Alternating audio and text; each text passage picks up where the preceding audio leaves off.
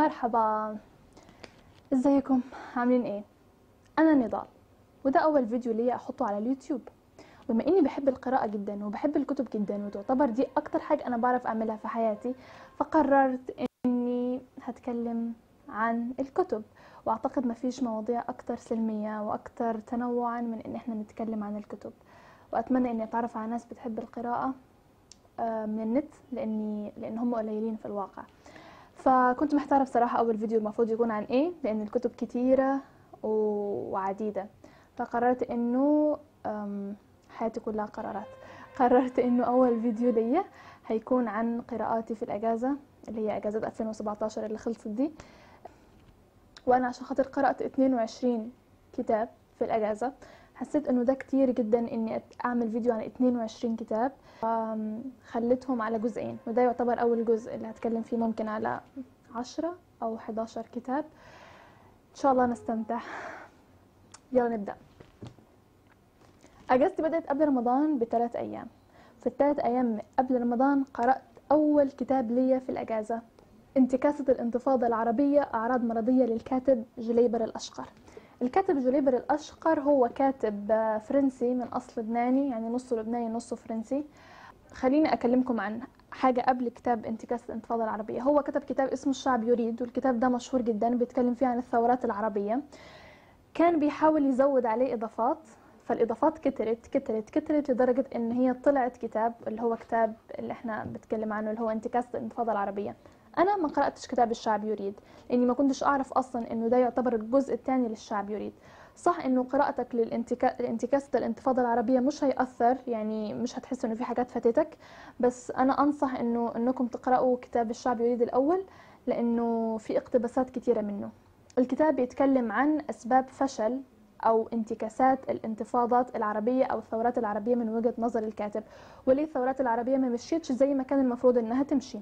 بيتكلم بشكل مفصل وكبير عن ثورة سوريا وثورة مصر وبيتكلم في أجزاء صغيرة عن تونس وليبيا واليمن.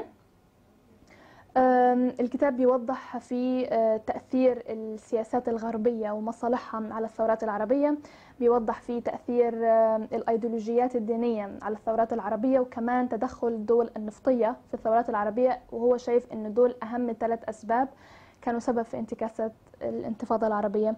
الكتاب مليان مصادر ومليان مراجع وده اللي بيخليني يعني بأوصيكم فيه لأنه إذا الواحد يعني مش متأكد من مصدر معلومة سهل جدا إن هو يرجع لها.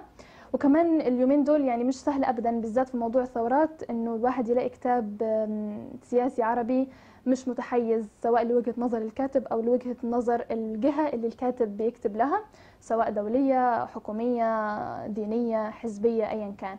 فالكتاب ده يعني في جزء كبير من المصداقية و ويعتبر كمان مش معقد للناس اللي لسه عايزين يبدأوا يقرأوا في السياسة أو يتعلموا فيها. تقييمي للكتاب يعني أربعة من خمسة. بعد كده دخلت شهر رمضان. أول كتاب قرأته في شهر رمضان عبقرية عثمان رضي الله عنه للكاتب عباس محمود العقاد. عبقرية عثمان لعباس العقاد آه، هو الكتاب الرابع في العبقريات بتاعة عثمان اللي بدأت بعبقرية محمد وبعدين عبقرية أبو بكر وبعدين عبقرية عمر بن الخطاب رضي الله عنهم أجمعين يعني. كتاب زي ما إحنا عارفين إنه عباس العقاد عادة بيتكلم دايما من الناحية الفلسفية في نشأة الصحابي وحياته والمواقف وتأثيره على الناس وتأثير الناس عليه وإسلامه إزاي بدأ وإزاي انتهى. خليني أكون صريحة. كتاب عثمان بن عفان هو أقل كتاب حبيته في العبقريات. العبقريات الثانية الثلاثة قرأتهم في رمضانات اللي فاتت. بس كتاب عثمان يعني ما عجبنيش. حسيته شوية ممل. وشوية مكرر. يعني الموقف أو الصفة أو أو المقولة اللي بيحكيها مثلا في إسلامه بيحكيها تاني في وفاته. فأصلا يعني فوتت بتاع 20 صفحة كده وأنا بقرأ فوتت منه كتير لأنه هو فعلا مكرر وممل. بس أنا شايفة إنه سبب التكرار أو الملل ده إنه حياة عثمان بن عفان كانت آه، فترة رخاء. يعني فترة رخاء في في في المجتمع الإسلامي وبدأوا الناس المسلمين يغتنوا والتجارة والحاجات دي. فحسيت إنه ده هو ده السبب اللي خلاه ما فيهوش أكشن يعني زي باقي العبقريات يعني. فهو أقل كتاب يعني في العبقريات عجبني. تقييمي ليه كان اتنين من خمسة بصراحة. آخر كتاب في العبقريات كتاب عبقرية الإمام علي رضي الله عنه. وعلى عكس عبقرية عثمان عبقرية علي هو أقرب كتاب أو تاني أقرب كتاب بعد عبقرية عمر. تاني أقرب كتاب لأنه أنا تعرفت على شخصية الإمام علي وتعتبر شخصية علي رضي الله عنه من أكثر الشخصيات الجدلية. زمان ودلوقتي وعند المؤرخين وعند الشرق وعند الغرب من أكثر الشخصيات الجدلية واللي كتر عنها الكلام وكان هو زي ما بيقول عن نفسه إنه يعني في أقوام بيكرهوني وفي يعني بيكرهوني لدرجة بيدخلوا فيها النار وفي أقوام بيحبوني لدرجة هيدخلوا فيها النار لدرجة إنهم بيعبدوه. فشخصية علي كانت من أكثر الشخصيات الصادمة يعني كلنا عارفين الإمام علي وعارفين حياته شكلها كان كان كان عامل إزاي لكن أنا تعرفت عليه هنا من ناحية البنيان الجسدي ومن ناحية التفكير والفلسفة بتاعته. عجبني عجبني جدا الكتاب وأنصحكم إنكم تقرأوه. وكان تقييمي لي ثلاثة ونص من خمسة. ثالث كتاب قرأته في رمضان هو كتاب طلع البدر علينا لأنيس منصور. كمعلومة مبدئية بما أننا لسه بنتعرف على بعض أنا أنيس منصور من كتابي المفضلين. أنيس منصور في طلع البدر علينا بيتكلم عن تخبطاته ورحلاته الفكرية وقناعاته ومعتقداته في فترة شبابه وإزاي إنه كان زي أي شاب في فترة المراهقة بيكون عايز يطلع برا القطيع وبيكون عايز يفكر في أفكار المجتمع مش بيفكر فيها وبيكون عايز يعتنق مبادئ مختلفة عن البيئة اللي هو عايش فيها. فبيحكي عن تجربته مع الفلسفة الوجودية والشيوعية والرأسمالية وكل الحاجات اللي أعتقد يعني معظمنا بيمر فيها في فترة الشباب والمراهقة لحد ما يستقر ونفسه تستقر وروحه تستقر وعقله يستقر على آه، الدين الإسلامي. هو ما بيتكلمش هنا على الدين الإسلامي كدين وشريعة وفقه هو بيتكلم عن الدين الإسلامي كأسلوب حياة ومش للناس هو بيتكلم عن إزاي الدين الإسلامي أثر في حياته هو شخصيا. الكتاب صغير خلصته في يوم واحد وتقييمي لي كان أربعة من خمسة. رابع كتاب قرأته في رمضان. خليني أديكم معلومة إنه أنا قراءاتي بتكون على حسب الفترة الزمنية اللي أنا فيها. يعني أعتقد لاحظتوا إنه إلى الآن قراءاتي في شهر رمضان كانت قراءات دينية فأنا بقرأ على حسب الفصل اللي إحنا عايشين فيه عشان خاطر يعني أعيش المود. فرابع كتاب كان كتاب أيام من رمضان للكاتب محمد سليم العوة. أه الكتاب بيتكلم عن ال ال الأحداث المهمة على مر التاريخ الإسلامي اللي حصلت في رمضان زي غزوة بدر فتح مكة آه، عين جالوت آه، فتح الأندلس ومعارك تانية لحد ما يوصل 6 أكتوبر آه، سنة 73 الحرب المصرية السورية ضد إسرائيل. الكتاب بسيط يعني كمان لما حد بيكون لسه ما قرأش خالص في حياته ويبدأ يقول طب أنا أبدأ إزاي أو أقرأ إيه بحس إنه الكتب دي من الكتب اللي أنا برشحها له. يعني هو بسيط وصغير جدا زي ما أنتم شايفين وبيخلص بسرعة. وتقييمي ليه كان ثلاثة من خمسة. أنا كنت قررت في رمضان إني أخلص من يعني في أول رمضان أول أسبوع تقريبا خلصت من الأربع الكتب دول. عشان أتفرغ لكتاب اشتريته في نص السنة كنت مستنية رمضان بس عشان خاطر أقرأ الكتاب ده. فجر الإسلام. خليني برضو أكلمكم يعني أديكم قصة يعني أو نبذة مختصرة عشان تفهموا الكتاب أكتر. فجر الإسلام هو أصلا سلسلة كتب مكونة من خمس كتب. فجر الإسلام ضحى الإسلام في مجلدين وظهر الإسلام في مجلدين اثنين آه، فجر الإسلام للكاتب أحمد أمين. أحمد أمين برضو كده مبدئيا هو عاش فترة الثمانينات تقريبا في مصر. هو كاتب ومؤلف ومؤرخ آه، وناقد أدبي وفلسفي وديني. من أنا أول مرة أقرأ له ومش هتكون آخر مرة ده شيء أكيد. قصة الكتاب ده بدأت إزاي؟ إنه الكاتب أحمد أمين وصديقيه الاثنين طه حسين والكاتب عبد الحميد العبادي قرروا إنهم يكتبوا مؤلفات عن حياة العرب قبل الإسلام وما بعد الإسلام. وحياتهم وتأثيرها في الحضارات اللي عاشت معاهم وتأثير الحضارات عليهم. فقرر إنه طه حسين يناقش حياة العرب من الناحية الأدبية وعبد الحميد العبادي من الناحية السياسية وأحمد أمين من الناحية العقلية. أنا ما معرفش إذا الكاتبين التانيين أصدروا كتبهم اللي بتتكلم عن النوع ده من, من الناحية دي من حياتهم ولا لأ بس أنا معايا بس كتاب أحمد أمين. أحمد أمين كتب عن الحياة العقلية للعرب في الجاهلية بشكل مفصل وبشكل كبير وبشكل بسيط. أسلوبه في الكتابة رائع. وبسيط وبحس كأني مرنت اللغة العربية الفصحى بتاعتي. هو مش صعب مش يعني ضخم كده بس كمان اللغة كتير فخمة وكتير منتقى الدار المصرية اللبنانية يعني بصراحة بذلت مجهود يعني. شكرا إنهم طبعوا لنا الكتاب ده. بيحكي عن حياة العرب من في أيام الجاهلية وقوانينهم. وإصداراتهم العقلية. يحكي عن نشأتهم ونشأة القبائل وتعاونهم مع بعض وكانت إزاي حياتهم ماشية. وبصراحة الكتاب هدم بعض المعتقدات اللي إحنا كنا حافظينها أو أو شائعة بينا إنه مثلا حياة العرب زمان كانت كلها جهل وقائمة على التقاتل والتحارب والانقضاض على القبائل الأخرى. لا حسيت إنه صحح مفاهيم كتير إحنا فاهمينها غلط عن العرب في الفترة دي. وبعدين بيدخل على الإسلام. وطريقة والطريقة العقلية لاستجابة العرب للإسلام. وليه الإسلام كان باللغة العربية مثلا؟ ليه استجابوا له؟ إيه تأثير آه، اللغات لغة اللغة العربية في الجاهلية على الدين الإسلامي؟ وإنه إزاي اللغة الجاهلية يعني ساعدت ساعدت ناس كثيرة جدا إلى الآن إن هم يفهموا القرآن.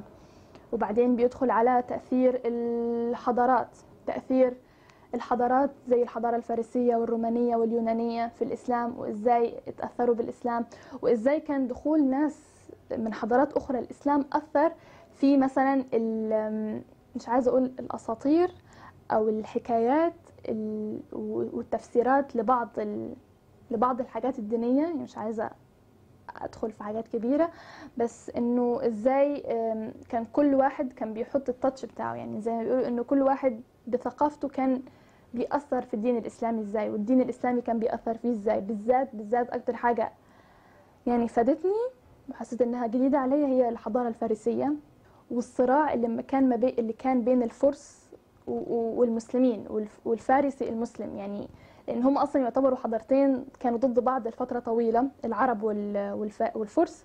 وإزاي لما دخلوا مع بعض ده أثر في كل النواحي آه، بالذات العقلية يعني بالذات العلمية. تاني كتاب اللي هو ضحى اللي هو آه ضحى الإسلام المجلد الأول. هنا بيبدأ يتكلم عن يعني في الأول هنا كان هنا كان بيتكلم عن الخلفاء الراشدين وبعدين هنا بيبدا يتكلم عن الدولة الأموية والعباسية ومعاهد العلم ومعاهد الأدب واللغة العربية والنحو والتفسير والحديث. وكل الحاجات يعني اللي هي كبيرة وكتيرة. أنا حسيت إن الكتاب ينفع للناس اللي بيدرسوا النوع ده من الدراسات يعني وكمان ينفع للناس اللي بس عايزين يتثقفوا بصراحة أنا مخلصتش الكتاب المجلد الأول يعني كان لسه بقيلي في الجزء ده مخلصتوش. ممكن أخلصه في رمضان اللي فات. وفي كتاب تاني زيه كده بس أصغر منه شوية ده كمان مخلصتوش. فأنا يعتبر بس خلصت كتابين من السلسلة وناوية أكملها. آخر كتاب قرأته في رمضان هو كان مش كتاب ديني خالص آه، لأني أنا بس جيت أقرأ منه chapter واحد it hooked me حسيت لازم لازم أخلصه لازم يعني. أتمنى محدش يغير وجهة نظره فيا بعد كل الكتب العميقة اللي أنا عمالة أكلمكم فيها. بعد ما يعرف إني قرأت 13 reasons why. للكاتب Jay Asher okay مش محتاجة إني أتكلم عنها لأن قصتها مشهورة مشهورة من أشهر الروايات أعتقد في 2017 و 2016 مشهورة جدا لأنها حلوة. هو بيتكلم بس عشان لو محدش يعرف فهو بيتكلم عن بنت اسمها هنا في الثانوية بتنتحر وعندها 13 سبب للانتحار. بتسجلهم على كاسيت تيبس وال 13 سبب هم عبارة عن 13 شخص. 13 شخص كانوا سبب في إن هنا تكره حياتها وتكره العالم وتقرر إنها تنتحر وبتمرر الكاسيتات دي بعد ما تموت على الناس اللي كانوا سبب في انتحارها. إيه اللي عجبني؟ اللي عجبني رقم واحد القصة وإنه الكاتب ورانا القصة من وجهة نظر هنا بس. فده خلانا نتعاطف معها أكتر وخلانا نفكر في الموضوع بشكل أكبر. ونفكر بالذات من الناحية الاجتماعية إنه إزاي ممكن حياة الشخص الاجتماعية إذا خربت ممكن تدمر يعني خلاص يقرر ينهيها خلاص انتهى.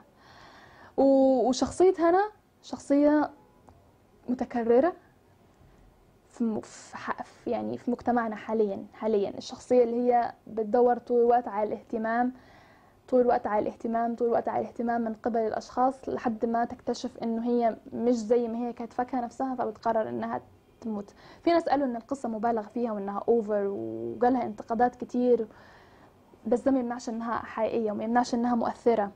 ولغة الكتاب سهلة وعجبتني. أنا كمان بعد ما خلصت وعرفت إنه في مسلسل في نتفليكس على طول رحت اتفرجت عليه. وأنا حسيت إنه الإضافات اللي في المسلسل اللي مش موجودة في الكتاب ما ضايقتنيش مع إني في الطبيعي وفي العادي بتضايق إذا إذا حسيت انهم نقصوا حاجة من الكتاب أو زودوا. بس في الكتاب هو بيحكي بس من وجهة نظر هنا لكن في المسلسل إحنا بنبدأ نعرف نوايا الأبطال التانيين بنبدأ نعرف شخصياتهم أكتر حتى من ناحية الشكل يعني. مش زي ما أنا كنت متخيلة بس طلع أحسن من تخيلاتي كمان. بنبدأ نعرف نوايا الأشخاص إيه اللي خلاهم يتصرفوا كده مع هنا في الكتاب. المسلسل بيورينا يعني ما وراء الكواليس اللي في الكتاب. يعني فبتبدأ برضه تتعاطف مع الناس. اللي هم كانوا سبب في موت هنا وإنه إنه مش بس التأثير ده كان على هنا بس بالعكس كان على ناس تانيين زي كلي وأليكس وغيرهم مش فاكرة اسمائهم فأنا أنصح إنه الناس يعني تقرأوا وتتفرج على المسلسل بس إذا إذا أنت دراما أو أنت دراما وممكن الكتاب يأثر فيك بشكل سلبي لا تقرأيهوش. اديته ثلاثة فاصلة خمسة من خمسة. الكتاب اللي بعده هو روية الأفلام ل لتيلير okay مش عارفة أنطق الاسم okay إذا حد سألني الرواية الصغنونة البسيطة الحلوة دي عن إيه؟ هقوله إنها رواية عن المرأة رواية عن تشيلي رواية عن الحكم العسكري رواية عن العائلة رواية عن الأب رواية عن الخيانة ورواية عن الحب ورواية مؤثرة ورائعة وعميقة. رغم إنها صغنونة خالص أنا كان نفسي تكون أكبر من كده بس في نفس الوقت حاسة إنه صغر حجمها. خلى الكاتب يعرف ينتقي الكلمات خلى الكاتب يعرف يلخص مشاعر والمشاهد في جمل بسيطة. رواية الأفلام بتتكلم عن بنت بتبدأ تكتشف موهبتها البنت اسمها ماريا مارجريتا بتكتشف موهبتها في إنها بتعرف تحكي الأفلام بتمثل الأفلام بمعنى أصح بتعرف تمثل الأفلام وده بيكون سبب في شهرتها وسبب في شهرة عيلتها وإزاي مع تطور العصر ومع دخول التلفزيون. طبعا كان صعب على الناس انهم يدخلوا سينما فبعد ما بيبدأ يكون الموضوع سهل ويكتشفوا التلفزيون تبدأ تتدهور موهبتها ومحدش بيبدأ يهتم فيها. وكمان بتحكي عن أحداث حصلت معاها طول الرواية. حاسة إني لو كملت خلاص هحكي كل الرواية بس هي حلوة حلوة. أنصحكم أنكم تقرأوها. رجاء. آخر كتاب أتمنى إني ما كنتش طولت بس آخر كتاب.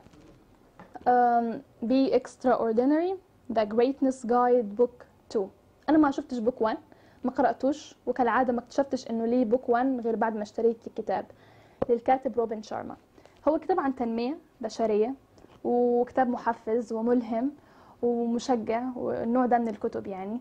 مع إني أنا مش بشتري النوع ده من الكتب بس اللي خلاني أشتريه هو سمعة الكاتب روبن شارما هو اللي ألف كتاب The Monk Who Sold His Ferrari من أشهر الكتب برضو في هذا العصر.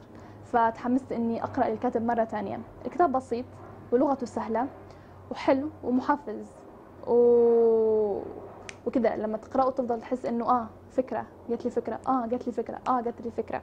فكتاب حلو. أنا مش بقرأ في التنمية البشرية كتير بس ده عجبني واديته أربعة من خمسة. وكمان للناس اللي بيحبوا يقرأوا باللغة الإنجليزية أو عايزين ياخدوا الخطوة دي أنصحهم بالكتاب ده لأن هو كتاب سهل ولغته بسيطة ومقالاته صغيرة وهتستفيدوا إن أنا كمان استفدت. أخيرا خلصت. أنا استمتعت بس مش عارفة إذا أنا طولت ورغيت كتير. اديت معلومات ناقصة اديت معلومات زيادة.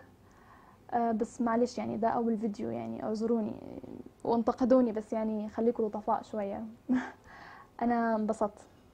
أتمنى تكونوا أنتم كمان انبسطتوا وإن شاء الله أقدر أعمل الجزء الثاني وباي.